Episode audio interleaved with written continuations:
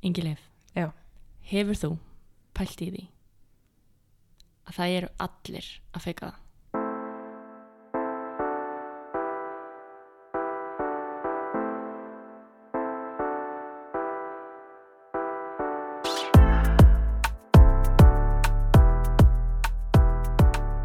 Það er kannski svolítið pælingin okkar uh, með þessu hlaðvarpi sem við erum að setja á stað fullkomlega því að okkur leiðist bara ógislega mikið. Um að brjóta svolítið neður kannski þessar hugmyndir fólks um hver raunveruleikin á bakvið margt af því sem við sjáum í samfélaginu er. Mm Það er svo ótrúlega auðvelt einhvern veginn að, að setja einhverja glansmynd af stað og, og, og halda inn í gangandi en það sem er raunverulega erfitt í þessu lífi er að vera berskjöldaður og ég og þú, hjónin í vesturbænum, í miðju samkomumanni sem bara leiðist við ætlum kannski að prófa aðeins að, að, að hvað ég var að segja strýpa þetta aðeins niður og, og reyna að koma staði í svona hver raunveruleikin er. Já, þú veist, það er áauðvitað við um svona marga fleti uh, þessarar tilveru okkar og ekki bara okkar heldur bara lífsins almennt. Uh, maður sér ofta einhverja eh, hugmynd eða ímynd af einhverju sem að er kannski bara svona svolítið allt öðruvísi í raunveruleikanum. Og við erum með þetta búin að svona hugsa um ímislegt sem að okkur geti þótt sniðugt að tala um í þessu samengi en, en ég held að við ættum bara að dýfa okkur strax svona í þetta. En það ekki bara, Já, smá óvissuverð smá áhersverð til í þetta. Ok Marja, það er kannski fínt að byrja bara á byrjunni hverju við erum, hvað við heitum og af hverju við erum að þessu? Og hvert konseptið okkar er? Já, og byrjaður að byrja. Ok. Uh, Ég er Marja Rut, bara köllum Marja held ég. Maja Pæja frá Maja Flateri Pæja frá Flateri, nákvæmlega. Uh, Ég er 30 ára. Að verða 31 eftir smá.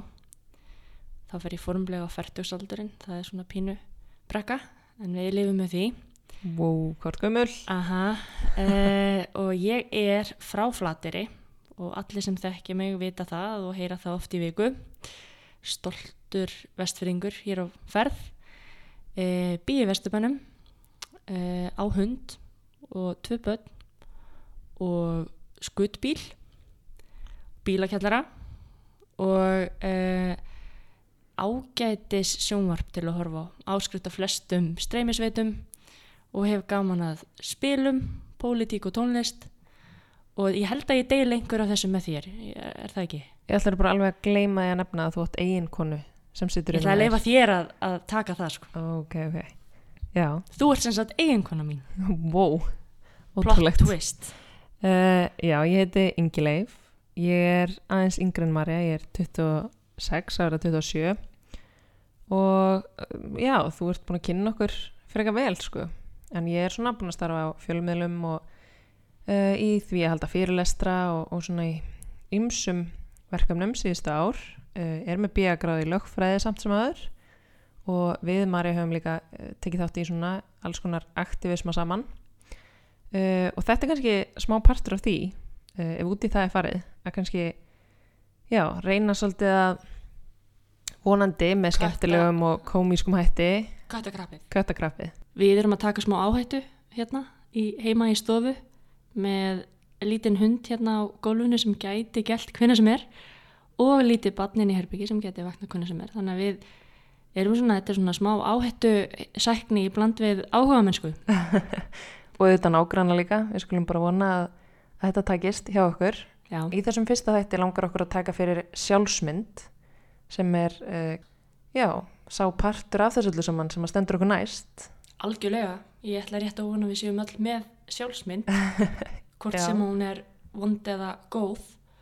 Uh, en við erum auðvitað öll uh, stöðugt að leita að betri sjálfsmynd, held ég. Mm. Og ég veit ekki, heldur þú að maður geti einhvern einhvern tímann verið bara með svona fullkomna sjálfsmynd? Er maður einhvern tímann algjörlega sáttur?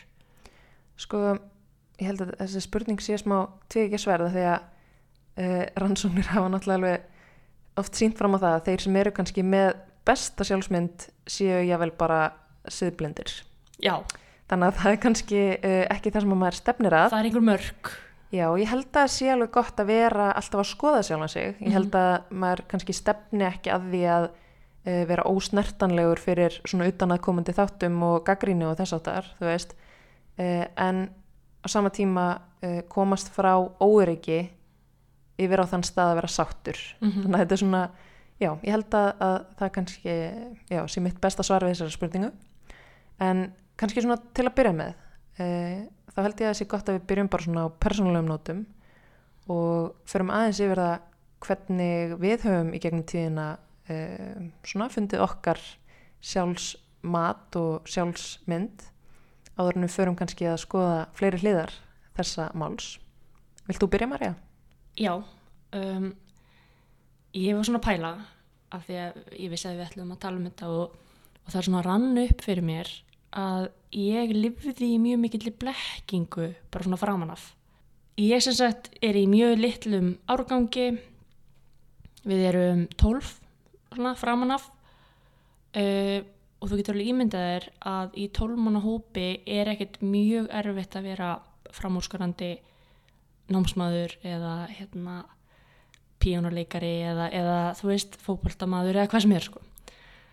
Og ég um, ég var ekki með mikið kannski sjálfsálit á mér kannski útlitslega eða svona eitthvað sem við kom framkomu en mér fannst ég alveg rosalega góð á þessum söðum til dæmis.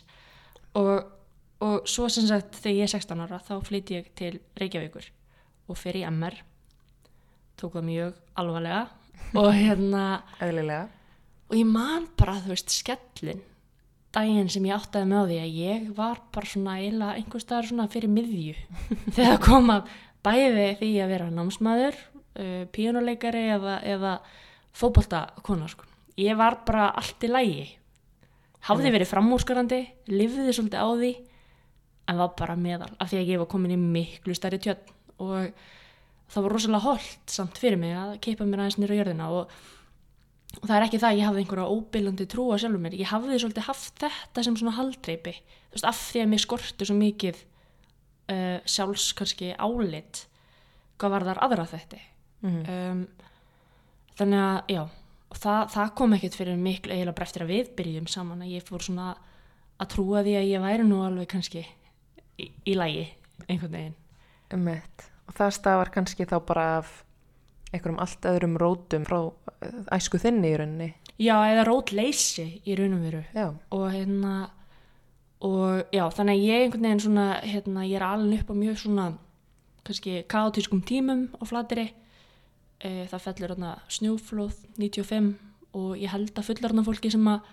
upplifði það var svolítið bara að reyna einhvern veginn að lifa áfram en ég held að við börnin höfum svolítið glemst að einhverju leiti og um, já, þannig að þú veist, ég var alveg lengi, þú veist, svo er ég líka lesbía og alls konar og, og hérna var alltaf að reyna að deyta einhverja stráka og það gekk ekki upp og, og hérna Í minnstu tjörn Íslands flatir eða sem að búa veist, já, 150 manns. já, það var aðeins stærri mengi á Ísafjörði sko, það, það voru alveg möguleikar sko. en hérna, en nei, nei en, en þú veist, ég er svona ég, ég þurfti alveg tíma til að byggja sjálfa mig upp aftur eftir að hafa svona horst í augu við barnæskuna og alls konar eh, ekki það að við ætlum að fara á einhver svona morbid nótur hér akkurat núna En ég meina, hver allt veit? lagi að- hérna, fara eins í rætunar, sko, því við höfum öll rætur Mhm. og óöryggi stafar yfirleitt af því að, að það liggja þar einhverja djúpa rætur og einmitt uh, að því vorum að tala um æskuna, þú hérna lifir í þessari blekkingu þannig á flateri, ég vil meina reyndar að blekkingin sé ekki neitt svakalega því að þú ert uh, eldklár og stórbrotin mannvera þannig að ég held að, að hérna Nei, nei, þetta, ég leti þetta hljóma dramatískar ég var meira að reyna að lýsa kannski hérna þessum veruleika, þú veist upp frá hverju sjálfsmynd sprettur. Og líka með bara að við meðum okkur bara út frá því mengi sem við erum í hverjum tíma. Mm Þú veist, við á Íslandi erum til dæmis kannski með svolítið önnur viðmið heldur en fólk sem að býr út í New York eða Los Angeles. Þú veist, það er bara, það, þetta sprettur líka svolítið upp frá því hvar við erum, hvar við búum hvert mengi okkar er. Mm. en það er það sem er svolítið stórt inn í þessu samingi eru samfélagsmiðlar. Í dag þeir voru þetta til staðar þegar við vorum yngri. Þú ert náttúrulega hundgömmul þannig að þú það kannski ekkit um sko. Nei, manst kannski ekkit eftir þessum meilum nei. En hérna en þeir auðvitað spila stóra rullu uh, í því að við sjáum einhvern veginn einhverja mynd á miðlunum af lífi einhvers fólks sem við teljum okkur trúum að sé 100% eins og eins og einhverja nokkra sekundur sem við sjáum úr degið þeirra. En raunveruleikin sem að býra baki er auðvitað ekki svona rosalega fullkominn. En fyrir vikið fyrir við þá kannski sem fólk, sem úlingar sérstaklega kannski að haga okkur á annan hátt fara að kaupa hluti uh, sem við vitum að þykja töff eða fara einhvern veginn að falla inn í svona, já, það að halda að samfélagsmiðlar síni alltaf raunveruleikan Mhm. sem er auðvitað ekki staðrendin Samfélagsmiðlar, mér finnst þær algjörlega briljant dæmi. Uh, ef ég mætti teikna upp heiminn í dag án, og, og velja hvort að samfélagsmiðlar væru með eða ekki þá myndi ég alltaf velja þá absolutt, af því að þeir hafa svo mikið hérna bara hagræði og, og hérna samskipti og allt þetta. En þetta er svo ótrúlega tví ekki sverð af því að meðan við getum einmitt fræðst ótrúlega mikið um alls konar fólk og, og speikla okkur í öðru fólki en við erum vön og auki aðgengi að veruleika margra að þá getur það líka haft svo ótrúlega tærandi áhrif. Mm. þannig að þú veist, þetta er svo þetta er svo þunn lína. En sem betur fer er fólk í dag mjög mikið af fólki að nota þessa miðla á mjög valdeflandi hátt Mm. sem eru þetta uh, mikilvægt og gott af því að þá eru við ekki bara að sjá okkur að glansmynd og sko guðminn góður aktivismin sem að hefur átt sér stað á internetinu í hérna fórum við alls konar hérna herferð og annað sem við höfum náttúrulega báðar tekið þátt í að miklu Mhm. leiti eins og með druslugöngunni og, og hérna og hinseginleikanum sko veist er það er, það er hefði jákvæða það er svo auðvelt að, að fræða og koma með alls konar hérna brútal aktivisma inn í, inn í þennan heim sem hristir svolítið upp í hlutunum og við sjáum alls konar hérna, aðganga mjög mikilvæga á Instagram sem eru virkilega að koma veist, það er kynsluði sem á eftir okkur koma eru svo hundra sinnum upplýstari um veruleikana en við nokkuð tíma vorum þetta er til dæmis uh, það sem við höfum stundum sagt eins og með hinseginleikan. Fyrir ykkur sem ekki vitið þá er hinseginleikin fræðsluvettangur sem við stopnum fyrstinn á Snapchat og er núna, uh, lifir góðu lífi semst núna inn á Instagram og virkar þannig að við fáum mismunandi hinsegin einstaklinga til að koma þar inn og segja sína sögu og með því búum við til fyrirmyndir fyrir unga hinsegin einstaklinga uh, sem er nákvæmlega það sem við vildum gera því að við komum báðar mjög seint út úr skápnum vegna þess að við höfum ekki mikið af fyrirmyndum. Og við höfum oft talað um það að við gætum aldrei tvær saman farið og fyllt, þú veist, þrísusunum, fjórusunum, fimmsunum, eldborg í hörpu með því að tala um einhver hinsegin málefni.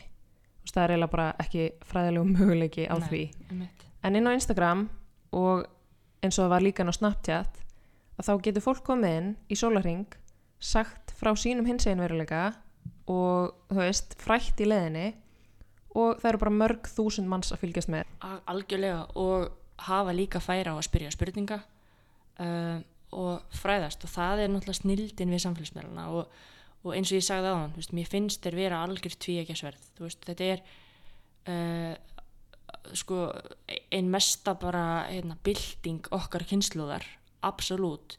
Ég meina það, það er ekkit langt síðan að, að þetta varð veruleikin en þetta er bara það stór hluti á okkar daglega lífi ég fekk, þú veist, það er bæðu vegi samkomumann og ég var að fá notification um að skjánótkunin mín væri sko hérna 7% minni í þessari viku en þar síðustu en hvað heldur hún sé? Svona 5-6 klukkutímar eða eitthvað. Já, bara 5 og halvur, bara heiðalegt sko Vákvæði á spott ánana. en ég er náttúrulega húgt á einum leik þannig að það svona, Já. hefur eitthvað með það að gera kannski Maður er að spila uh, eitthvað spil í gegnum síman sinn. Allt ótrúlega eðlegt. Já, talandi um bara hagnýtingu á, á tækni Jú, jú. En einmitt, þú veist, það er, en þú veist, pældi ég 5 og halvur klukkutími á það er dag styrlað mikið. sem ég held bara á þessu tæki eins og ekkert sé sjálfsöðra Mm það er galið Það er alveg styrlað, sko. fimm og hálfu tíma, þetta er sko, þetta er næstu heill vinnudagur Einmitt. Ég er reynda að vinn mjög mikið í símanum líka þannig að það, svo það sé sagt Já, en þannig ertu sko með social media. Þetta er ekki símtöl, þetta er ekki SMS. Nei, en þetta eru samt samskipti við samstarfsmenn og, og, og fleira og, og að mónitóra, þú veist, ég vinn í pólitík þannig að ég þarf mjög mikið að mónitóra vefnmiðlana og, og svona umræðuna og fleira Mm. Segðu fólki eins frá því af hverju þú vinnur í pólitík. en já, ég bara er algjörlega hérna, galin típa og ákvað að hafa svona mikið áhuga á, á stjórnmálum þegar ég var held ég tíu ára gömul. Ég er sko manneskjan yngileif, ég veit ekki hvort ég hef sagt þér þetta. Um, en ég er barnið sem að fór heim í fríminútum úr skólanum að því að ég var á flatir það var mjög stutt að fara heim. E, og í hátteginu og ég, þú veist, venjuleg börn fóru heim og ristuðu brauð og fengur sér kakó og, og með því og horfðu á Neighbors sem voru svona aðal þættirinn þá. Ég stilt á alþingisrásina og ég fylgdist með umræðu dagsins. Og það var bara minn raunveruleiki sem krakki. Og minn draumur hafði alltaf verið bara að starfa í stjórnmálum og hafa áhrif á samfélagið og gera gott gera eitthvað gott og gera gagn. Og í dag þá vinn ég í pólitík sem aðstofumar formans viðreysnar inn á þingi. Og um, þar er alls konar hliðar raunveruleikar sem að gerast sem að kannski fólk sér ekki alltaf en, en, hérna, en hefur verið mjög bara áhugart, búin að vera núna í þrjú ár Þetta er svolítið áhugavert að þú er svona æsku draum sem rættist Já, og hann var ekki, þú veist, eitthvað svona ég ætla að verða söngkona eða leikona eða eitthvað. Var bara, ég ætla að fara að vinna á alþingi. mm Ég held þú sért eina manneskjan í heiminum sem að hugsa þér þetta, sko. nei, ég hef alveg hitt nokkrar þau vinna líka á þingi Já, þið eru saman komin þar. Já, lúðanir Það er samt mjög fallegt. Já, þú veist, maður á bara vera í flæði eins og ég hef alltaf sagt maður hérna, ekki ofugsa hlutina og, og það var svo sem engin ákverðun að stefna ángað, þetta bara gerðist þú veist, tækifæri sem að koma upp í hendunar á manni og svona en, en en svona, þú veist, það er bara á meðan það er einhvern veginn og Mhm. hérna og langar að koma með smá innskott um að veist, þetta var ekki eina áhugamál þitt sem barn. Þú varst líka uh, að spila könustu sem er svona gömlu konuspil við ömmuðina og vinkunur hennar. já, Þú varst að horfa á leiðaljós. Þú varst að reykja ættir þínar. segðu bara það sem þú ert að hugsa Þú ég, fættist miðaldra. ekki svona með háaldra Þú fættist nýræð sem mjög En- fyndið. ég er líka alveg upp af konu sem var fætt 1907 Einmitt. við skulum átta okkur á því, það er nestum því sko á 19. öld hún, hún er þarna bara fæðast á sama ári og, og sko hérna, hvað gerist 1907 Öruglega eitthvað konur stórkostlegt. kostningarétt eða eitthvað, ég held það æ, ég veit það ekki um, ég á að vera skarpar en þetta Raunveruleikin. Þú ert ekki skarpar en þetta. googlum það uh, nei, en, en ég langa með mín hérna, ólmið svolítið upp og, og hennar vinkonur sko. og hérna, minn raunveruleiki þá var bara svolítið hérna, eftir skóla að koma heim til ömmu í hlýtt hús, æfa á píanu horfa á töfraflautuna með henni þar sem hún satt og, og þýtti töfraflautuna af þýsku. Og ég sko stóð alltaf svona í sófanum og hérna með dúkku í hendinni af því að þú veist í töfraflutinu eru sagt karaktera sem heita Pamina og Pamino og eru prins og prinsessa. Og ég sko var alltaf prinsinn. Æ, og fattaði samt ekki að vera lesbí að það varst orðin bara það tvítur. liðið þú veist góð 14 ár eða eitthvað til ég kveikt á þeirri peru. En ég var alltaf prinsina og held svona á dúkkunni sem var sko prinsessan og ég lék með allri töfraflutinu, þetta er sko margra klukktíma verk þar sem ég semst fylgdi öllum senum eftir. Um, já, ég veit ekki okkur ég er að ofinbera þetta en, en þetta var semst um, minn raunveruleiki í badnesku og svo eftir að við horfum kannski á, á þetta þá komu vinkunur langum minnar í heimsók og við spilum kunustu sem er strangheiðarlegt kellingaspil. Um, Geggjað spil. mjög gott spil og, og er í hávegum haft í minni fjölskyldu. Og svo klukkan fjögur var alltaf pása af því þá byrjaði leiðaljós og þá þurfti að, að sjálfsögðu að gera pásu til að fylgjast með sápudagsins og svo á slæginu 18.00 fengu konuna sér séristöp vegna þess að langama mín var með svona þessa reglu um að, að hérna, þú mátt ekki drekka dag eftir dag en kvöld eftir kvöld er í lagi. Þannig að Þvílíkt. þú veist legendið Marja Jóhansdóttir var Þvílíkt alveg legend, með þetta hreinu. Bara klukkan sló 6 eitt stöp, takk fyrir bend Geggjuð típa. Uh, ég er með innskott, uh, það var 1915 sem íslenska Já, konur ég, það var eitthvað 1907 nennur að googla það Við skulum komast að því. hvað gerðist 1907 Hvað gerist 1907? en uh, já, þetta er ótrúlega áhugavert ég átti uh, mjög Skólaskylda? Nei, æ. Uh, ég ætla að segja, ég átti mjög ólíka æsku uh, þar sem ég er alveg upp bara henni í borginni Mm og ég hafði alls engan áhuga á alþingisrásinni eða leiðaljósi eða, eða spilum með gömlum konum Þú hafið þér aðgang að gnæktarborði sko, Íslands. Já. Smáralindinni, ég var Kringlunni, þar sko á sekundunni Alvabakkin, þú veist, þú veist, ég sem krakki, þú veist, í kunustu, mér dreymdi um þetta líf. Því ég kom söður, veistu hvað ég þurfti að gera? Ég þurfti að rúnda á milli bílasala. Af því það er það sem fóreldrum mínum fannst gaman að gera. og þú læti mig gera það með þér í dag Jáp. ótrúlega veist, við höfum gert það einu sinni. Nei, nei, nei, nei, nei. En þú veist, við tókum tímabilið þar sem við gerðum það mjög mikið. en fórum líka að kaupa okkur bíl. en ég ætla að segja sko já, ég auðvitað, eins og þú nefnir þá var smáralindin auðvitað, ég var mætt þar sko sekundinu þegar hún opnaði uh, fóreldra mínir ráku skóbúðir, bæði þar og í kringlunni og ég er bara alin upp í mólunum sko, ég bara bjó í kringlunni þekkti alla sem að voru að reyka vestlanu þar uh, og ég vildi bara mitt reymdum að vera söng og leikona og ég var bara uh, Hollywood, hér kem ég þannig að hérna, já, draumannur okkar sem hefur nú pínu- samt raungerst að einhverju leiti ég meina þú hefur gefið út lög og, og, og hérna, búið til nokkra sjónvastætti og, og svona þannig að þú ert kannski að þig áfram að stóra drömnum sko. Hollywood einn daginn, ha? Já. Nei, ég komst fljótt að því að ég er ömuleg leikona. já það er reyndar alveg rétt Eins mikið að ég væri til ég var góð leikona, þá er ég það bara alls ekki. En uh, já, ég samt sem aður fekk hérna bara fínustu svona reynslu að því að búa henni í borginni og vera alveg upp sem algjört borgabann. varstu Eh. svolítið elda svona stórstyrnundar fórstu, þú veist Hvort ég var. já. Ég var sko Birgitta Haugdal, hún var svolítið svona ofalega á lista hjá mér uh, en mín nummer eitt sko, það var Selma Björns Mm. hún var bara uh, einhvers konar guð í mínum huga. Ég var fimm ára eða fjagur ára þegar ég fór og sá grís sem hún og Rúnar Freyr leku í. Eðlilega það er stór, stórvirki fyrir hvert fjögur ára bann jú, jú. að horfa á. En ég var ekki bara eins og hvert annað fjögur ára barn sem fór í leikus og horfði á það ég sem sagt fór og var búin að vera í hálfgerðu svona stress kvíðakasti í bara viku en ég fór.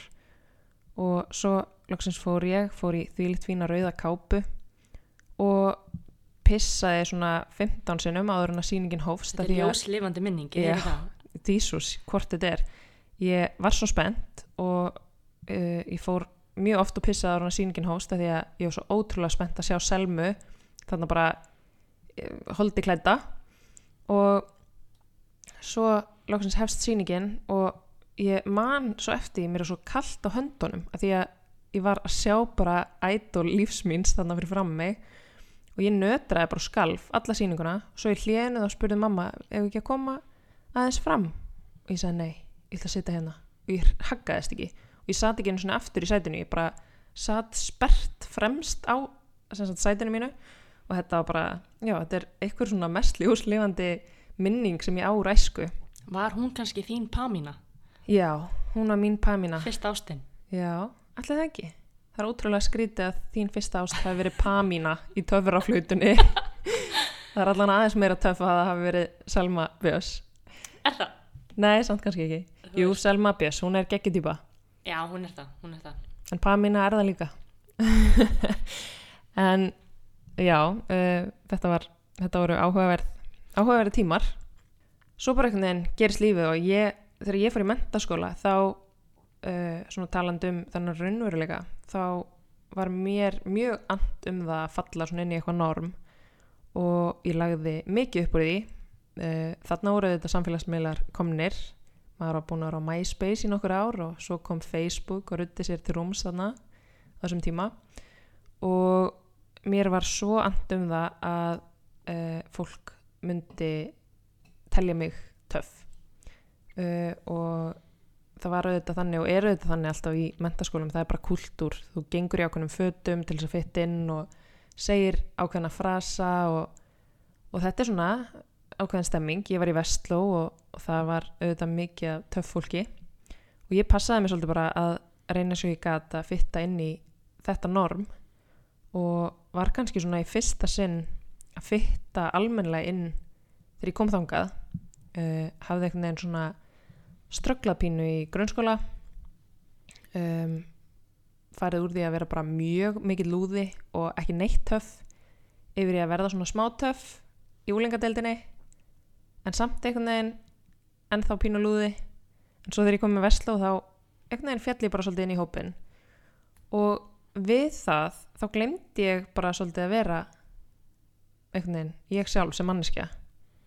Og þetta er kannski svolítið uh, það sem að mér er svolítið and um að upplýsa fólk um þegar það er fast inn í þessu haldandi að það þurfu einhvern veginn að láta einhvern veginn til þess að fytta inn eða þurfu einhvern veginn að kaupa einhverja hluti til þess að líða vel eða fallin í hópin að þá þú veist ég einhvern veginn átti svo stórt svona piffany moment eftir að ég útskrifast á mentaskóla, þú veist ég var alveg hann tvítug þegar ég einhvern veginn bara svona ranka við mér og fatt einhvern veginn bara já, ok, býtu ég er einhvern veginn ekki búin að vera ég sjálf í bara mjög mörg ár og það er kannski svona svolítið komin tími til þess að ég svona aðeins vakni til lífsins og leifi mér að vera ég og þá einhvern veginn var svo magnað hvað múratnir fjallu og einhvern veginn allt þetta utanakomandi drast sem að ég hafði talið sjálfur með trúum að skipta ótrúlega miklu máli skipta allt í einu bara engum máli allt uppfyllingar efnið Já. veginn, já.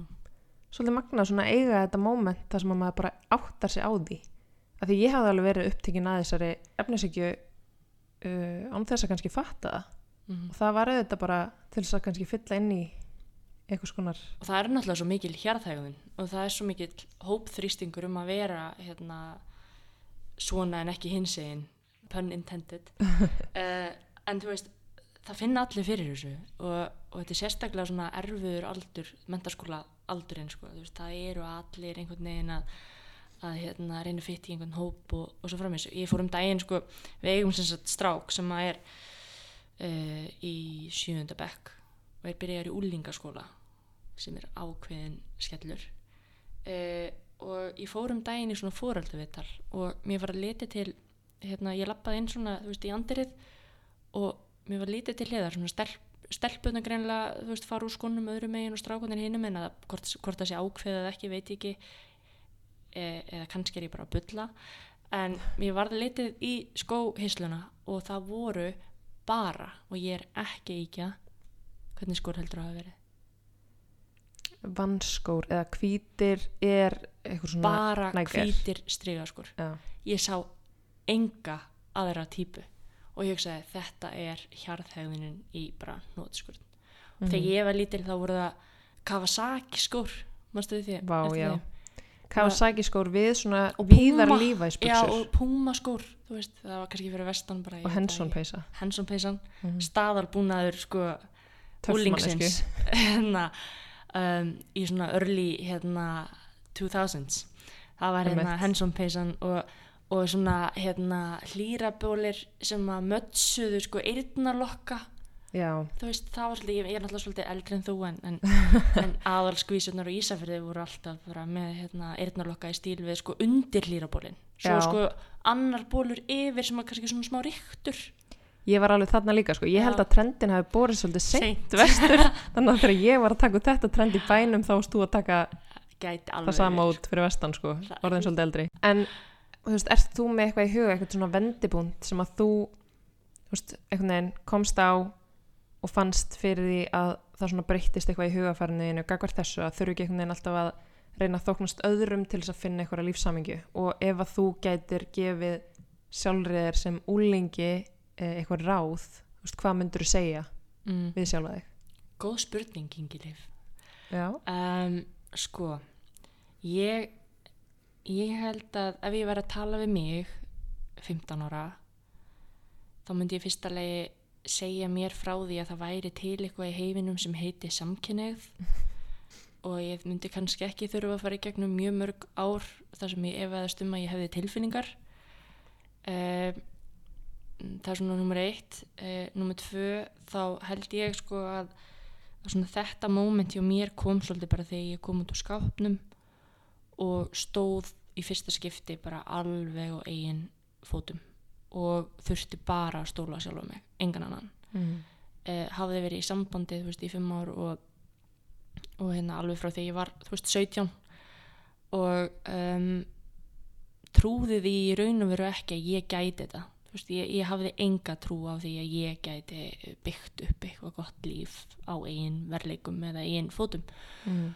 og ég held að það sé mómenti sko, hérna, þetta er 2011 og ég held að þetta sé svona það mómenti sem að ég stóð bara og horfði í speil og var bara, nú þarf þú að fara að finna hver þú ert Mm. nú er komið að því, þú þarf bara aðeins að fara að svara þessum spurningum, þú getur ekki flúið þetta lengur af því ég var búin að vera í mjög miklum flóta alveg bara eiginlega alltaf alltaf leikið eitthvað hlutverk, alltaf verið hérna ábyrg og dugleg og flott og fín og, og rasa svolítið mikið en, en, en alltaf staðið upp aftur Mm. og hérna já þannig að þú veist það var eiginlega þá sem ég svona hérna þurfti svolítið bara að horfast í augu við sjálfa mig og bara nú ert þú bara undir sjálfur þér komin og hérna og þú mynd bara uppsker eins og þú sáir mm. veist, það er ekkert þetta að stóla á annað fólk svo reyndar hitti ég því stuttur setna sem var bónus og við höfum svolítið byggt okkur upp saman en, en hérna en það var samt svona, það var ótrúlega holdt þú veist að, að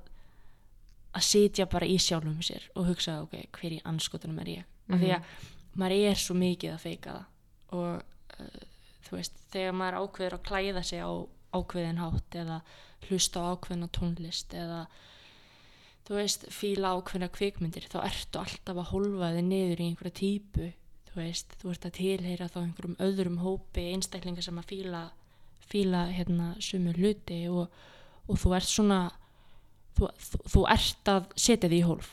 Mm. og ég hef svolítið verið núna senstu kannski tvö árin að svona experimenta með hólfalust líf. Vó, hvað það hljóma Búm. töf og það fylur í sér að ég nenni ekki að skilgrina uh, hvað ég borða. Ég nenni ekki að skilgrina kynniðina mína lengur en þú veist, segjum bara ég sé lesbía ok? Og uh, ég nenni ekki að segja þú veist uh, hvort ég sé hægri eða vinstri sinu eða eitthvað svona, ég trúi bara ákvæmna hluti í samfélaginu, þú veist. Og ég nenni heldur ekki að útskýra fyrir fólki okkur ég drekki ekki áfengi þú veist, og eitthvað svona, þú veist, þetta er bara svona ég er bara eins og ég er og eins og ég nenni að vera hvernig einasta dag og ég ætla ekki að hólf, þú veist, setja það í eitthvað hólf. Og hérna, og þetta fólki finnst þetta mjög trublandi og mér finnst það svo skemmtilegt að fyndi það því að fólk er alltaf byttu byttu, ertu, ertu þá vegan? Já, einmitt annað, þú veist ég nenni ekki, jú ég sagði hérna, ég nenni ekki skilgræna hvað ég borða mm. að því veist, við höfum ekki borðað kjötmjöl bara fyrir eitthvað lengi núna og það er svo sem það var engin ákförðun, það bara ægslaðist þannig og hérna og mér finnst það bara gott, þú veist mér finnst það bara betri matur og hérna og mér líður betur og eitthvað svona og fólki er svo mikið að spyrja býttu, ertu þá græmitisetta? Ég bara, nei. Ertu þá vegan? Nei. Hvað ertu þá pesketerian? Nei, veist, og mér finnst þetta svo ógeðslega að fyndi það því að fólki finnst þetta svo óþægilegt. Einmitt, þetta er svo þetta er svo góðu punktur sko með þetta uh, að vera ekki alltaf að skilgræna sig kannski ofskilgræna sig. Ekki það, við erum þetta miklir talsmenn skilgræninga og ekki Ég, skilgræninga fólk má bara velja. Fólk má velja, fólk má gera Ég- Við nákvæmlega erum talsmenn valfrelsis.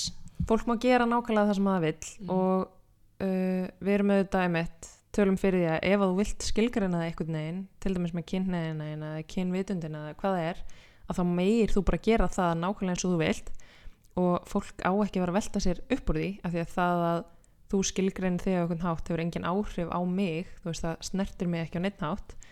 Uh, þannig að við erum auðvitað miklu talsmenn þess en á sama tíma þá kannski erum við að fjarlægast sjálfar þessar skilgreiningar og það er einhvern veginn ótrúlega frelsandi að uh, þurfi ekki alltaf að fitta inn í eitthvað box af því að fyrir mér til dæmis þá hef ég verið að fitta inn í þessi box fyrir annað fólk en fyrir sjálfa mig. Þetta er svona til hægðarauka til þess að þurfa kannski ekki að fara út í samtali eða, eða annað. Já, ég meina eins og þegar ég veist, byrjaði með þér ég hefði aldrei verið með neitt stelpu áður en svona vita samt innst inni í svolítið langan tíma að ég var ekki drósa skotin í þessum strákum sem ég var að reyna deyta heiðarlega tilraun samt Já, þú veist, komst ekki alveg að blant og þú að vera í fimm ára sambandi með kallmanni en þú veist, ég reyndi, það gekk ekki, ekki mjög vel og ég svona ákvað emitt, loksins bara horfast í augu við sjálf og mig þannig þegar við hittumst og fólk var svo upptekið að þessu bara ok, en hvað ertu þá? Ertu lesbía?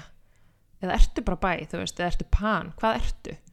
Og ég vissi það ekkert, þú veist, ég vissi bara að ég var ástfangin að þér mér fannst það í mínum huga ekkert vera neitt flóknara en það og finnst það í rauninni ekkert ennþá veist, vera neitt flóknara en það en ég fór að svara veginn bara til þess að einhvern veginn friðþægja annað fólk Mhm. sem er ótrúlega steikt af því að það var ekki fyrir sjálfum mig gert sko. og þá var ég alltaf eitthvað svona farin að svara bara já, ég held ég sé bara lesbía og, og einhvern veginn já, þetta er svo merkilegt hvað maður þarf einhvern veginn að, að vera til þess að bara einhvern veginn fólk bara nái haustum utanum það hvað maður er og þá bara einhvern veginn verður maður að vera hólfaður niður í eitthvað x-hólf En við erum náttúrulega sko í ótrúlega svona miklum svona tvendar hyggju heimi, svona bænar í heimi. mm. Þú veist, það er, það er gott og vond og það er guð og satan, veist, það er kon og kall kon og kall, það er gamall ungur, svona hólf sem að við erum bara alin upp við og þú veist, það eru bara alls konar hérna kenningar og, og, og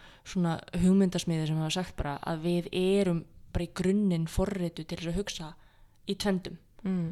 og hérna og mér hefur allan að finnist mjög gaman að fokka í pinu upp. Og þetta er ótrúlega hérna, svona, áhugavert líka þegar maður hefur sjálfur svona stert fundið fyrir uh, því hvað þessi hólfun var mikilvæg fyrir mann á tímapunkti. Eins og ég var að lýsa á þann þegar ég var í mentaskóla þá var lífsnauðsynlegt fyrir mig að fitta inn í þetta veist, af því að ég kom úr þannig bakgrunni að ég var búin að lenda í eins og ég svona rétt snerti á aðan uh, þegar ég var í grunnskóla þá var ég bara algjör lúði og ég fekk svolítið stundum að kenna á því að ég væri bara ekkert mjög töff. Fitta er ekki inn í bóksið Nei og þú veist, reyndi allt sem ég gat en uh, var bara ekkert mjög cool í augum uh, minna Æ. samferðafélaga þar. Og eins mikið ég reyndi þá bara, þú veist það er einhvern veginn bara, þú veist líka hvernig börn eru, það er bara ef að þú ert auðvelt skotmark þá bara verður svolítið nýðstaðir sko. Mm. og uh, eins og ég segi, svo samt svona lagast aðeins þegar ég kemst svona í úlingadeild uh, þrátt fyrir að úlingadeildir séu mjög brútal staður til að vera á. En út af þessum grunni þá fann ég það svo stert þegar ég byrja í mentaskóla ég bara, ég ætla ekki að sko stíga bara með litlu tána út úr þessu boksi sem ég er komin inn í og meira þess að bara þegar ég var að byrja í mentaskóla og kynntist veist, fólkinu þar sem bara hafði áhuga á því að kynnast mér þá eiginlega bara svona var ég í sjokki að því að bara ég er ekki svona merkileg. Ég er ekkit, þú veist, af hverju viljaðu kynnast mér? Að því ég einhvern veginn hef ekkit eh, þekkt þetta, þennan veruleika áður að, að vera einhvern veginn einhver, eitthvað númer sko. En svo þegar það gerðist og ég svona uh, fattaði það, þá var ég bara ok ég ætla bara ekki að stíga, stíga skref út úr þessu bóksi, ég ætla bara að halda mig hér af því að þá fitta ég inn í hópin og svo þessi uppgötun mitt átt að segja því alveg bara þegar maður er búin að vera sko ríkhalda í þetta identity sitt að fatta bara, já, veist, er þetta að gera mér gott eða er þetta bara að gera það verkum að ég er ekki sönn gagvart mér? Það er veginn ótrúlega stórt moment og ég held að ungt fólk í dag eigi auðvildar með þetta heldur en kannski við áttum fyrir þó svo þessi ekki nema bara einhver tíu ár síðan þá samt sé þetta búið að breytast. Það álíka bara miklu miklu fleiri fyrirmyndir. Mm -hmm. það hefur aðgangað internetinu Mm þú veist. E, og þar eru alls konar samfélög þar sem að þú getur speklaði í öðru fólki, við höfum það ekki. Og, og hérna, þú veist, meira segja bara þegar ég er að koma út úr skapnum þá gæstu verið sko lesa tvíkinöður eð, eða gagkinöður það var ekkit, það, það voru ekkit önnur hugtök til. E, svo fyrir svona, veist, aðeins að opnast fyrir það aðeins þegar líður á, en einmitt, veist, það er bara eins og eins og það var, en, en ég held samt sko í, í grunninn hjá mér sko, þú veist, ég náttúrulega er mjög þrjósk. Já, ég tengi, ég, veist, tengi. ég fæ svona mótþróa þrjóskuröskun þegar einhver ætlar að fara að skilgreina mig þá langar mig að fara í aðrar, aðrar áttir. Og hérna og ég held sko í grunninn þú veist, þessi tilhörina starfsemi sem ég er búin að vera í, hvort sjálfur mér eh, ég held hún sé líka mjög í grunninn mm, ákvörunafælni og hérna og bara svona að þurfa ekki að takast á við að, að e, bera ábyrð á því að vera einhvern veginn. Ok, ok, ég ætla að koma með skýrast að dæmi um þetta. Af því að ég veit nákvæmlega að tala um. Uh, við vorum beðnar um það að því að, ok, smá forsaga ég greindist með flóaviki fyrir tveimur árum. Uh, algjörlega upp á þurru fekk ég bara flóg í svefni. Uh, Marju til mikils ama auðvitað, ég vakna bara í bara fullblón flógakasti og Marja held að vera að deyja. Og fer upp á spítala og, og alls konar rannsóknir. Nokkur mánuðum setna fyrir við síðan til Mexiko í brúðköpsferð og ég fæ aftur flóg og þá fær maður bara uh, í rauninni greiningu. Þegar maður er búin að fá tvö flóg þá fær maður bara greiningu sem flógaveikur einstaklingur og það þýðir að alls konar hlutir í lífinu uh, geta triggerað þessi flóg. Maður þarf svolítið bara svona þegar maður fær greiningu sem þessa að bara svona tóna sér svolítið niður og læknarnir lifa heilbriðu lífi Já, og líka bara, þú veist, sofa á skikkanlegum, fara að sofa á skikkanlegum tíma og, og vakna og hafa rútínu í lífinu.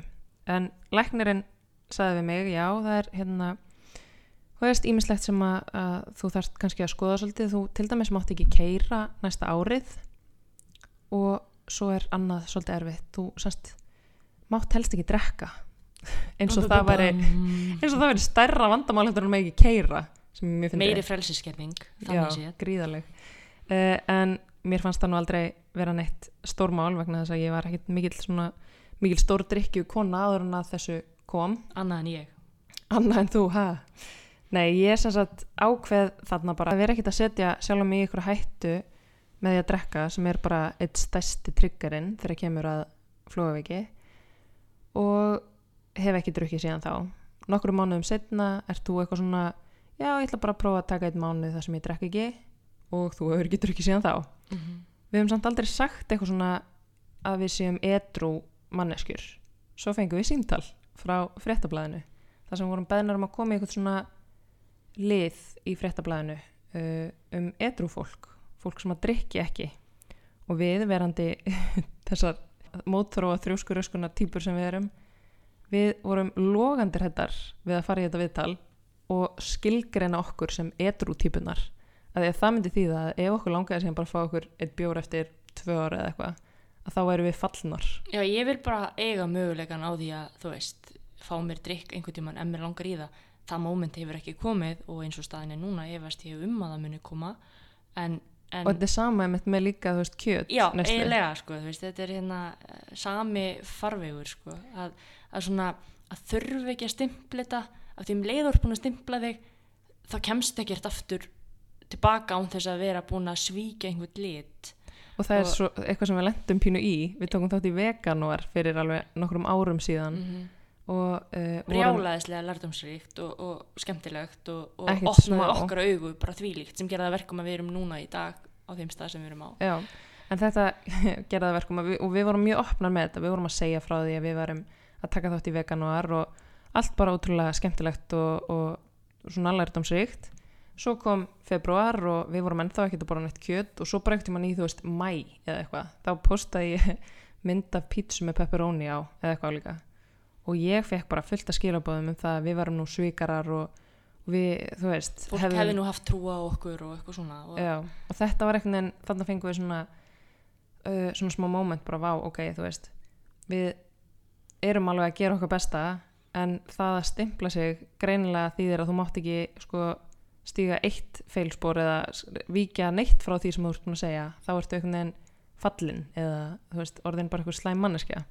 Þannig að við einhvern veginn, já, höfum tekið þessa ákvörðun um að vera bara svona svolítið skilgreiningarlausar típur fólki má bara finnast óþægilegt. Það er bara hérna það er bara fínt. Já, þannig að já, þetta er svona tvíegisverð einmitt að skilgreina sig á hvern hátt. Þú veist, þá er maður svolítið svona þvingaður í það að standa með því það sem eftir er, sko. Eða þá við séum bara sjúklega ákvörunafellnar það geti líka verið hérna, hérna hinveruleikin en þú veist, gæti þó verið að það sé svolítið þannig að sjálfsmyndin sem að maður ber er að mestuleiti skilgrindu öðru fólki. Í rauninni, já, þegar maður pælir í því. Að því að í þessi skipti sem að maður hefur einmitt verið e, að upplifa sína sjálfsmynd eitthvað svona á skjön við þar sem að maður er sjálfur þá er það því að annað fólk hefur annarkvort pressa mann út í það eða hreinlega maður býr til pressa á sjálfan sig út frá því hvernig annað fólk er. Mm -hmm. þannig að já, þetta er þetta er áhugaverð punktur. En, en svona svo held ég uh, að það sé margt í þessu sem að fólk heldur að það sé einhvern veginn eitt með fullt af tilfinningum sem við finnum uh, til dæmis uh, það sem er kallað imposter syndrom eða þessi, svikara heilkenni Vá, þegar ég heyrði fyrst að það væri til hugtak um þessa tilfinningu þetta var svona mind blown um mitt moment. Þetta er nefnilega eitthvað sem að maður heldur svo mikið að maður sé einn að burðast með en er það í rauninni alls ekki. Og þetta er til að útskýra ef það hafa ekki heyrt um imposter syndrom Eh, þetta hefur líka verið kallað blekkingar helginni á íslensku en þetta er þessi tilfinning að líða eins og það sé alveg að fara að komast upp um það hvað maður sé í rauninni ekki jafn klár og aðrir halda. Og ef að, ef að ég get líst þessu svona svolítið í setta smá í samhengi þá er þetta svona svo tilfinning þegar þú situr í tíma og þið langar að rétt upp hönd og segja eitthvað en þú hugsar að ég ætla ekki að gera því að þá mun allir fatta að ég er ógsla heimsk. Eða þú ert þú veist, á vinnustæðanuðinum þú færið eitthvað hugmynd um eitthvað verkefni eða eitthvað konsept og þú hugsar uh, ég ætti nú kannski samt ekki að, að fara með þetta til yfirmannsins míns af því að þá heldur hann kannski að ég sé bara ekki að vinna vinnuna mínu nóg vel Já, ég tengi það samt líka svolítið mikið við þegar einhver byður mig um að gera eitthvað. Mm eins og halda fyrirlestur eða bara vinna fyrir sig eða eitthvað. Og þá fer ég strax í hugsa byrju af hverju ég? ég, ég er ekki nógu klár eða það er að potið einhver önnur manneskja miklu betur til þess fallin en ég mm. að gera þetta af. Því að þá er ég svo hrættum sko að, að ef ég ger þetta að þá muni komið ljós að ég er bara að búlsita um, þannig að þú veist þetta er svona hérna, ég hef heyrt að þetta sé eitthvað sem plagar konur mjög mikið en mér hefur samt fundist þetta svona heilbreyðismerki því við töluðum aðeins áðan um, um svona hérna siðblundu og, og svoleiðis, þetta heldur mann alveg á tánum. Ég myndi ekki, ekki vilja finna þessa tilfinningu af því að það væri svona eitthvað varðamerki ef mér finnist ég bara fullkomlega hæfi hvað sem er. En það er einmitt sko, ég held að það hjálpi líka til að við erum búin að tala oft og mikið um þetta en ég held að þeir sem að kannski hafa aldrei talað um þetta og eru að burðast með þetta einir eh, það er fyrsta skrefið einmitt bara að segja þetta upphátt af því að maður heldur svo oft að maður sé einn með eitthvað svona tilfinningu svo kemur í ljós að allir í kringum hann finna þetta nákvæmlega sama. Og oft meira að segja því hærra sem að fólk kemst í einhverjum svona metórastega því sterkara finnur það fyrir nákvæmlega þessari tilfinningu. Og til dæmis Sheryl Sandberg sem að vinnur sem framkvæmdastjóri hjá Facebook og var áður mjög hátt sett hjá Google og er auðvitað meðsölu rithöfundur hún tala svolítið um þetta í bókinu sinni Lean In uh, að sko þegar hún fekk eitthvað svakalega viðurkenningu fyrir störf sín hjá Google þá fór hún bara inn á skrifstofu og grét vegna þess að hún hugsaði hvað minn góður, þau veit ekki hvað þau eru að gera. Þau eru að verðlauna bara manneski sem er bara búin að búlsitta sig gegnum lífið. Og mjög mikið að frægum konum sérstaklega og þetta bara frægu fólki yfir höfuð sem að hefur klifið svo hátt upp á metárastegan að við sem manneskjur kannski bara setjum þau á okkur óraunhafan stall hafa talað um að finna fyrir nákvæmlega þessu Mm. ég held að hafa verið Meryl Streep sem ég las um að, að hérna uh, fengi oft þessa tilfinningu þegar hún er ráðinn í verkefni og ráðinn í einhverja bíómyndir að hún hugsa oft bara hú, þau munu reka mig eftir, eftir að ég sjá fyrstu tökuna með mér. Ég er náttúrulega skjálfur leikuna þú veist, Meryl Streep, það er bara engin leikona sem ég elska meira en hana. Um eitt og hún hugsa þetta. Já. og það eru allir að hugsa þú veist, við erum öll með eitthvað. Mm -hmm. ég með svo við vísum í hérna góða vinkun okkar hana Kristínu Dóru.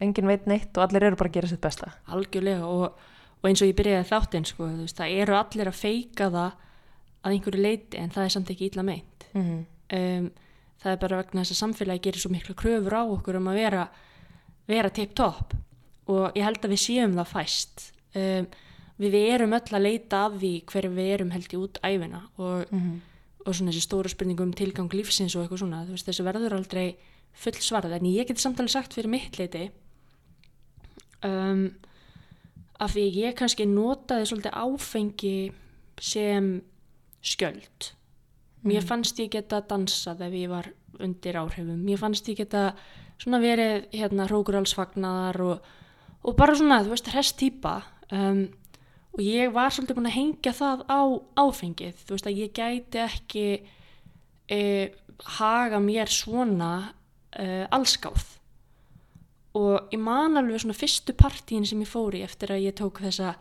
ákverðun mína um að, að taka pásu ég man að ég fann fyrir brjáluðum félagskvíða. Ég hafði aldrei áður verið félagskvíðin. Mhm. um, ég bara lettist með, með frá veggjum og, og var bara fljótlega að fara inn heima því ég bara meikaði ekki að vera í þessum aðstæðum. Og eins og með allan hann kvíða ef maður tekst á hann þá bara líður hann hjá. Uh, þá bara hætti ég ekkert að mæti í partí og ég hætti ekkert að fara út. Þú veist ég lokaði mig ekkert af sem betur fer. Og, og ég man sko í fyrra fór ég í fyrsta skipti í svona hérna svona reunion tíu ára stúdendaamali og við erum að tala um þú veist að það var bara partí allan daginn. Og ég man að ég hugsaði bara nú læti ég bara vaða. Og ég man að ég sendi þér message klukkan þú veist fjögur um nótt þegar ég var að koma heim á balli búin að skuttla allum heim og, og bara þvíleitt gaman fara í eftirparti og allt. Og ég, hugsa, ég sendi þér skilabóð, mannstu hvað stóðið þeim? Ég er svo frjáls í stórum Akkurat. stöfum. þá var ég bara búin að vera á dansskólunu í þrjá klukkutíma dansandi eins og ég veit ekki hvað Mm. og það var svo geggjað og ég fekk bara svona einmitt sjálfströst sem ég vissi ekki að ég ætti af því að ég þorði að vera í þessum hráu tilfinningum og það var alveg svona moment af því svo fór ég bara stutað setna í þrítugsamælisferð með vinkunum mínum, þú veist, fimm dagar á spáni með vinkunum sínum og ég var mest í kjánin allan tíman Mm. algjörlega allskáð Að taka húið bara með spánverjunum og allt að gerast. Já, en ég get ekki forðast neitt. Mhm. Þú veist, ég þarf bara að takast á við lífið eins og það er. Ég get ekki, ég er ekki að leita í eitthvað annað. Þetta er nefnilega svolítið sko góð kennslustund í því bara að sitja hans í sjálfum sér. Af því að hérna, það að sleppa öllu utanaðkomandi og vera bara 100% allskaður og maður sjálfur, ok, nú erum við náttúrulega farnar að tala 100%. Síða postulatnir Marja og Ingileif mættar. Nei, þú veist, Við skilgreinum okkur ekki, en við ætlum samt að segja öllum að hætta að drekka. Nei, alls nei, ekki. en, en svo við tökum það skýrt fram. Þú veist, ég vil að allir gera það sem þeir vilja.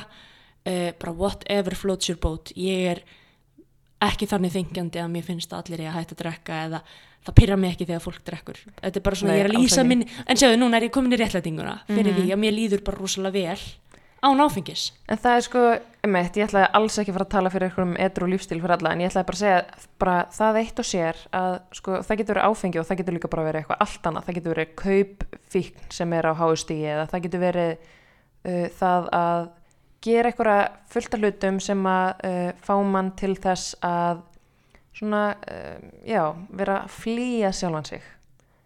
Og það að flýja sjálfan sig uh, er auðvitað bara svona oft, já, kemur út í alls konar myndum en það er svo góð leksía að prófa bara aðeins að sitja í sjálfum sér. Og bara flýja ekki að neinu leiti vegna þess að þá fyrst kannski átt að maður sig á því bara hvað það er sem að manni sjálfum langar og hvert maður sjálfur vill stefna en ekki, þú veist, að blinda einhvern veginn sína eigin sín með bara einhver utanankomandi. Ég meina, þegar við byrjum fyrst saman, þá gat ég ekki fyrir mitt litla leiti verið ein heima. Nei, emitt. Ég var alltaf búin að búa til plön og ef ég vissi að þú verður að fara eitthvað út, þá bara fór ég út líka. Og ef ég var ekki með plan, þá bara bjóð ég til plan.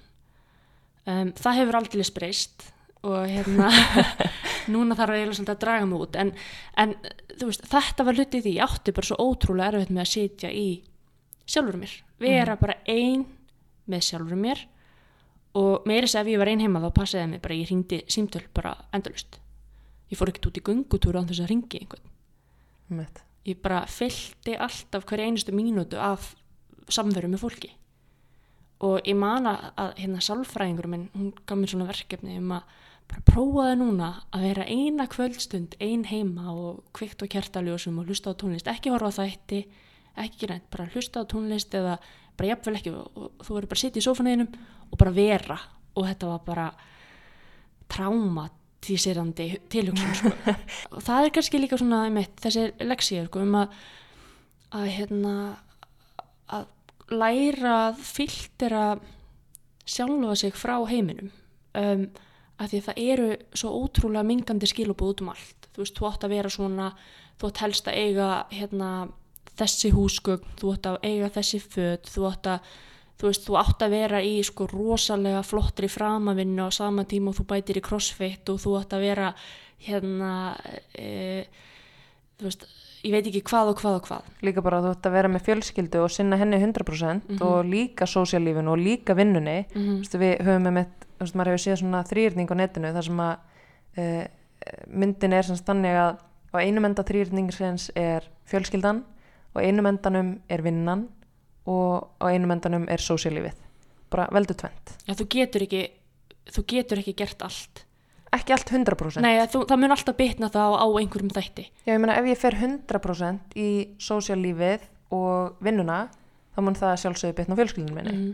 ef ég sinni fjölskyldinu 100% vinnunni 100% þá mun ég ekki hitta vinnu mína mjög mikið. Mm veist, þannig að maður verður líka að finna balansinn sko, hvar liggur í jafnvægið? Hvernig get ég kannski gefið vinnu mínum uh, eitthvað af tíma eða semst eitthvað af tímanum mínum en samt sint fjölskyldunum minni vel og verið samt ekki þú veist, að standa með ill í vinnunni. Þetta er auðvitað bara algjör línudan sko.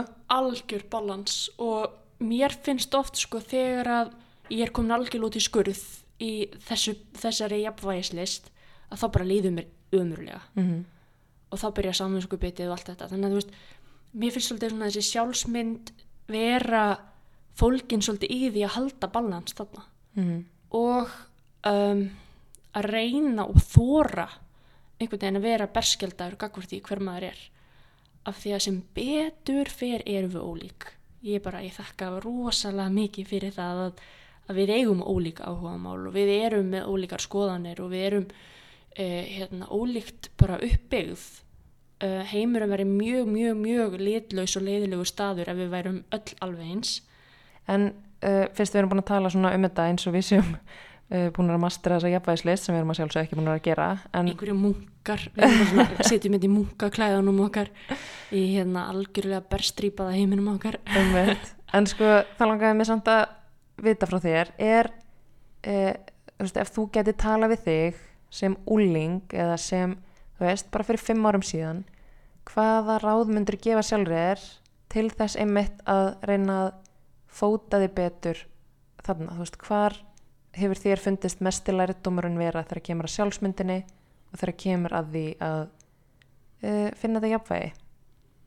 Ég held einhvern veginn að, að það sé að miklu leiti til um, að þóra stíga út úr þessari þeitivindu um, átt að sjá því að það, það gerist ekkert slæmt ef þú mætir ekki á þennan viðbörð eða, eða gerir ekki einhver hluti, bara gera hluti sem að manni langar raunverulega til að gera og segja nei við hinnu Mhm. læra að segja nei. Ég var, ég var og er ennþá einhverju leiti mjög lélega í því að segja bara nei.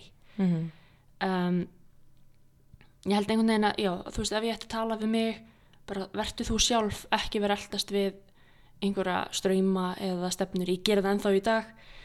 Um, maður er óvart oft dottin í eitthvað, þú veist, eitthvað hugur ástand og, og án þess að fatta að maður er bara einhverju hjarðhæfun Þa, það er svo forritað í mann. Mm. en ég og þú erum svolítið duglegar að sittast niður og svona kippa okkur út úr út úr raunveruleikanum eða inn í raunveruleikanum. eða inn í hann öllu, öllu heldur. Og um, þú veist það er þessi ráa ráa tilvera sem að mér finnst mjög heitlandi í dag og reynir svona að yfka Svolítið svona þessi minimalíski lífstíl. já og líka sko ég hefði viljað fatta það fyrir hvað fjölskyldan skiptir miklu máli. Þú veist, ég held einhvern veginn alltaf að það væri hérna sósíalífið og hérna einhver metrostíði þar sko en þá er ég ekki að tala um börni mín, ég er líka að tala um bara fjölskylduna í kringum Mm. þú kendi mér það svolítið Og líka þessa fjölskyldu sem að maður býr til sjálfur. já, ég er að tala um sko, já, einmitt, ég og til dæmis bara svona chosen family Einmitt. hvernig er það á íslensku? valkvæða fjölskyldu Sjálf valin fjölskylda. já, já, Uh, en einmitt, sko líka þetta að sko þóra að vera einlægur. Ég held að það sé eitthvað sem að maður einhvern veginn hefði viljað svona láta imprinta í sig uh, bara strax frá upphæfi. Ekki það það, er töff að vera einlegur það er töff.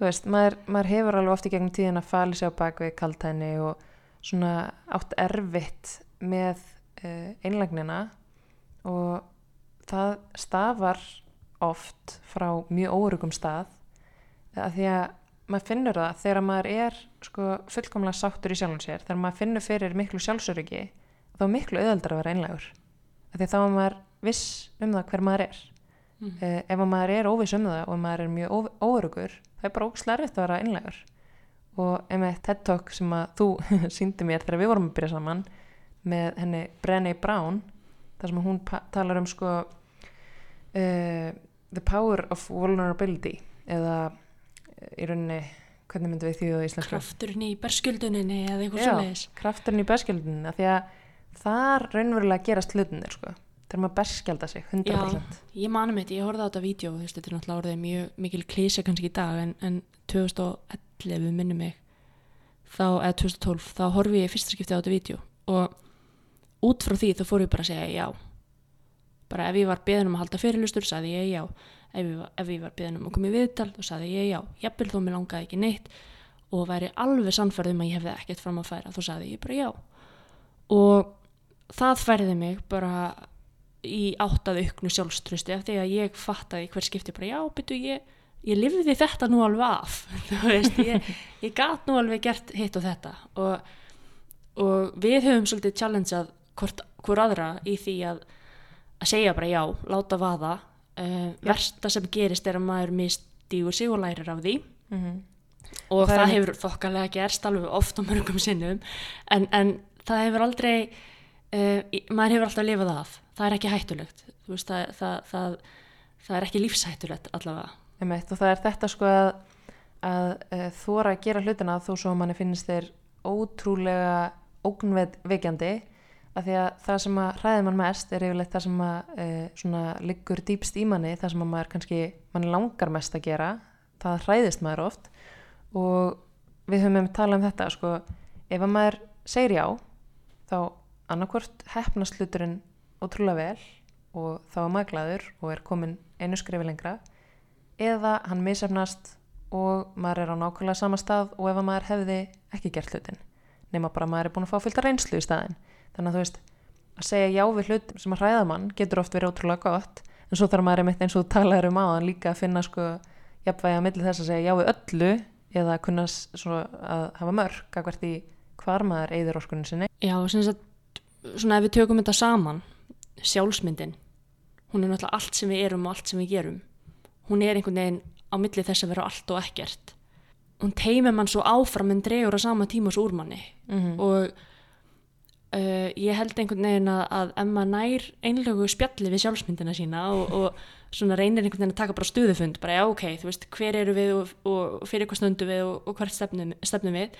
Þeim mun betur líðum manni. Það sem við erum að segja er að veist, you do you uh, fyndu þinn farveg hvað það er sem að gerir þig hamingju saman eða hamingju sama eða hamingju samt uh, vegna þess að það að lifa uh, í einhvern veginn stöðum ótta við að hvað öðru fólki finnst það er ekki að lifa eins og ég var að segja með, þú veist, að gera hlutuna eigin forsendum, mm. ekki af því að það þykir töff Mm. ekki að það er hópþrýstingu gagvart ég að gera það heldur þegar þú gerir það á því mómenti að það er raunverulega það sem þú vilt þá er það svo miklu miklu auðveldra Mm. ég hefði ekki getað hægt að drekka 22 ára. 23 ára, ég hefði bara ég hefði hleyið það sjálfur mér þú veist.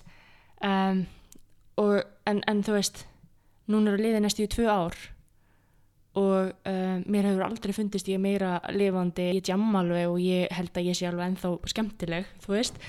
En, en, en ég hef líka bara svolítið lert að meta sjálfa mig í eiginskinni í þar sem það er engin möguleiki á einhverjum flótta sem að var alveg hluta því sem að maður sótti í þegar maður var að drekka allan ég.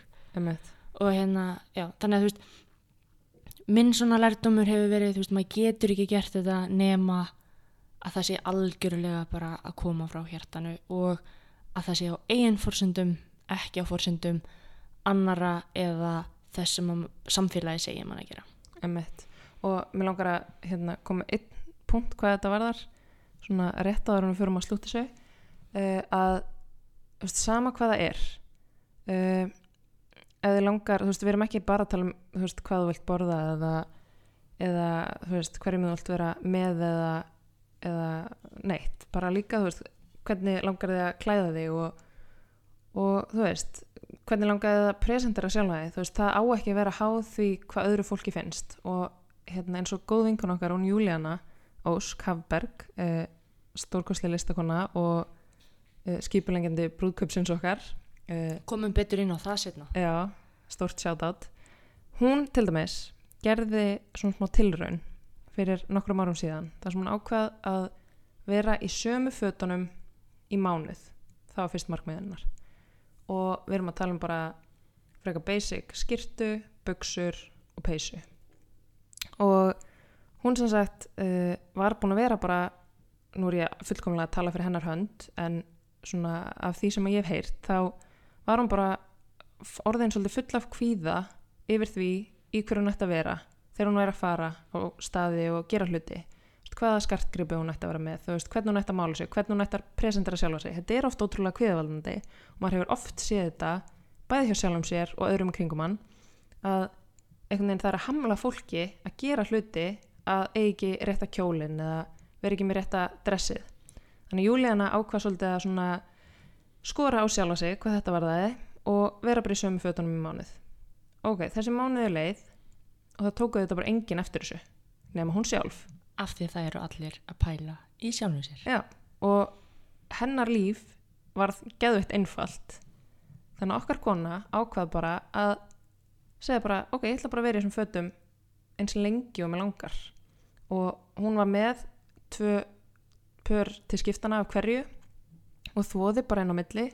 Og meiri segja alveg bara þvoði í höndunum til þess að passa líka umhverfis áhrifin og allt þetta og hún endaði á því að vera í meir en ár á hverjum einasta degi í sama átfitinu og ekki með einu svona skartgripi yfirleitt eða þú veist neitt umstanga einhvern veginn. Og hún fór í partí og hún gerði hluti þú veist, heimurinn hættir ekki að snúast og eigir ekki rétt að kjólinn sko. þú veist, hún bara held áfram að lifa sínu lífi nákvæmlega eins og hún hafði alltaf gert en alltaf í sömu fötunum. Og mér finnst það svo geggja dæmi um það hvað maður er líka bara sjálfur að setja þessa kröfur af því að þarna var öllum nákvæmlega sama þú veist, hún er mitt fyrðaði sig á því sjálf að fólk var ekki eins og að spurja hana bara, þú veist, varst þú ekki í þessu í gær? Fólk virtist ekki eins og taka eftir því.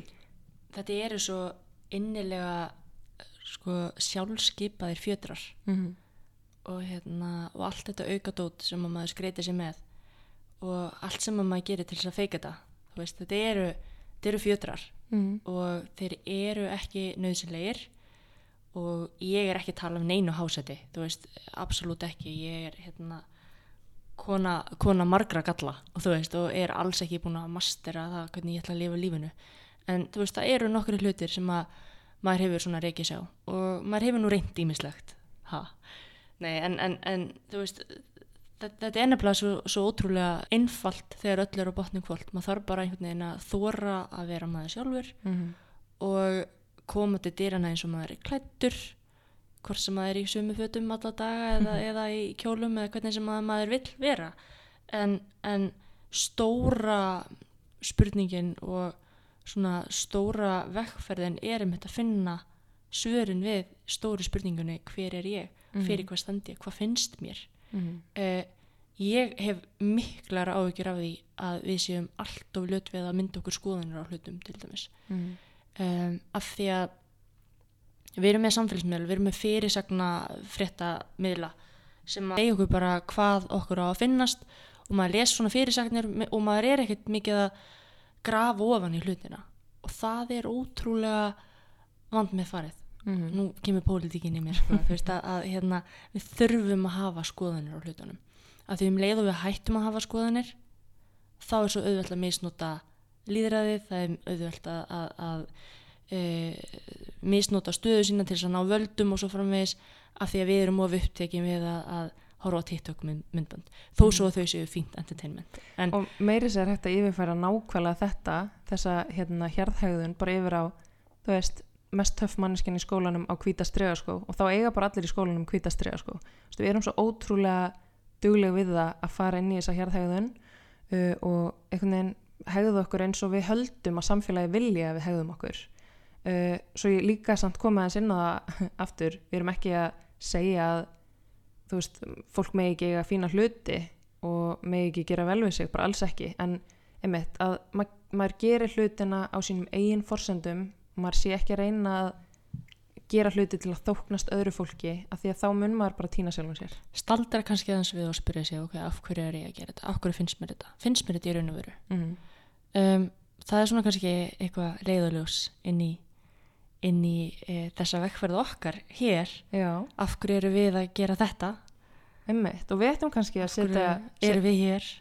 Einmitt, við ættum kannski að setja sjálfum okkur eitthvað markmið. Eitthvað verkefni? Svona fyrir næstu vikuna mm um, mér þetta er hug að því að auðvitað snýst þetta líka um það þú veist, minimalíski lífstílinn má ekki vera svo minimalískur að maður gleymi því að elska sjálfan sig og maður gleymi því að gera vel við sjálfan sig. Og við höfum oft rætt þetta að því að uh, eins og þú Marja fóst í gegnum svona uh, svolítið erfiða bara æsku og einhvern veginn elskaður kannski sjálfaði aldrei almennilega og fækst svo verkefni hjá sálfræðingi um að bara bera það krem til þess að sína sjálfur þeir smá hlýju. Erfiðasta verkefni lífsmýns ég, ég gerði aldrei. Þú það aldrei. Hugsa sér. Þannig að uh, mitt verkefni fyrir þig næstu vikuna er að gera vel við þig. Hvort sem það er emitt með því að bera þig krem, setja þig maska eitthvað svo leiðis og taka selfie, eina selfie á dag. Mm, ein á dag? Yep. og posta? Mm hvar, á Instagram það má vera bara postið, þú veist ekki story fítið, ég er að fá kvíðakast. Já, ég meina, ok, ok, ég tek þessu. Þú ég, veist, þetta er, bara, þetta er bara mín áskorun til þín og þú verður líka að setja þig krem. Ég ætla að standa með uh, sálfræðingnum þínum góða uh, sem að body lotion. elskum, elskum við þetta báðar. Og þú átt að standa við þetta lofar setja á þig krem ok, sérst ein mynd á dag er þetta sjö myndir eða fimm? Sjö myndir. Sjö myndir, og þú mátt vera með þú veist, öðru fólki á einhverjum af þessum myndum en þú veist, þú átt líka bara að frontkamera. Já, alla leið, bara elska sjálfa þig svolítið þessa þeir vikuna sem þekkja mig vita hvað þetta ok, ég, ég, ég tek þessu og ég ætla að topp þetta með því að skora á þig. Já, nú þarf ég að hugsa á staðnum af því ég er ekki með neitt tilbúið. Ég hugsaði þetta á staðnum. Ok uh, ég vil að þú semjir lag í næstu vikuna? Næstu vikuna. Og þú syngur það í næsta þætti. Wow, bara eitt lag? Eitt lag, á það verum eitthvað ákveð að má ég bara hafa frjálsar hendur um það? Frjálsar hendur af því ég er svo frjálslind ok, og þú vilt að ég syngi það í næsta þætti? Nei ok, þú verður að posta því í story. Ok, ok. Ég meina, ég skorast ekki undan þessu Rétt eins og bara- þú ætlar ekki að skorast undan sjö mynda áskoruninni og kreminu. Af því ég veit, það vita það ekki allir en þín, þín, þinn mestu ótti hefur svolítið verið að að, að sína þig sem tónlistamann. Mm. og mér finnst það mjög opinberandi og það er veit já og þetta er sko óttin við að vera algjörlega vulnerable og einlægur, það er ógislega erfitt. Mm ég man sko þegar við byrjum saman eða, það, það, liðu fjögur ár inn í okkar samband þá gott ég fekk að heyra þig syngja upp átt mm. þú fórst oft ein á rúndin til þess að fá útrás fyrir það að syngja því að því finnst svo gaman að syngja. Það er eitt af skemmtilegsta sem þú gerir en þú varst bara eitthvað algjör mús. Og ég man að það var bara rosalegt verkefni fyrir mig að fá að heyra þig syngja. Og þarna komum við aftur í rætinar þarna komum við aftur sko bara way back í mig sem pínu lilla mús í er það frostir grunnskóla út í fugglu minn hérna? Já. oh, er það rótin? ég er að fatta það núna Já, til að útskýra þessa, þetta sem við erum að hlæða hérna er að uh, ég var í söngskóla Sigur Bentens og Marju Bergar þegar ég var, veist, eitthvað sem borgarstelpan hafði aðgeng, aðgengið þar Já, já, ég var þarna kannski 8, 9 ára og söng frostir út í fuglum minn og þetta var tekið upp á spólu. Svo sagði mamma mér að fara með spóluna í skólan og sína bekkjafélugum mínum þetta og ég verandi bara eitthvað algjörlega klúles um hvað veri töff og hvað veri ekki töff. Og mamma en með óbyrlandi trú á sinni stelpu. Já, mamma mín dásamlegasta koni í heiminum elskar nota lífinu. Uh, en þetta var kannski ekki alveg svona það sem að hmm, var að fara að falla vel í kramið. Þið getur bara ímyndað ykkur hvernig þetta fór uh, ég var auðvitað bara svolítið aðlægi En þannig var það ekki þannig að kennarinn þurfti sérstaklega að fara að sækja sjónvarpið, þú veist, í einhverja aðra stofu, jú, jú, trillaði því, þú veist, inn í skólastuna, því lík fyrir til að setja hérna að fá S-bóluna inn. jú, jú, þar stendi ég í öllu mínu veldi Ég held að þetta myndband sé til. er þetta til? Ég held að, ég ætla að finna það. Ég mun setja það í stóri ef ég finna það. Úff, já, þarna stóð ég öllu mínu veldi eins og ég var að segja, í blárri flíspeysu að syngja frostir út í fuglum en uh, þú veist og mér langaði bara mér langaði að hverfa og í jörðina og ég sá eftir þessu mómentið sem að þú veist, ég bara rétti kennarann mínum spóluna þá var ég bara, hvað er ég að gera? hver gerir þetta bara? og já, Svo liðu bara 20 ár svo liðið góð 20 og ár þá fór singileif ástjá. hashtag singileif Og þeir sem ekki vita það, þá ertu búin að gefa út ofinbjörlega þrjúlög. mm og það hefur verið ógísla erfitt fyrir mig Fyrsta lagið þitt var sko nummið tvö á vinsaldalista rása tvö, by the way. by the way, By the way, ógísla proud mjög stól. Nei, en, en, en svo hefur þú svolítið stoppað. ég, ég, ég, ég náttúrulega var að búa til Þú ert bara búin að stoppa. þú ert bara hægt.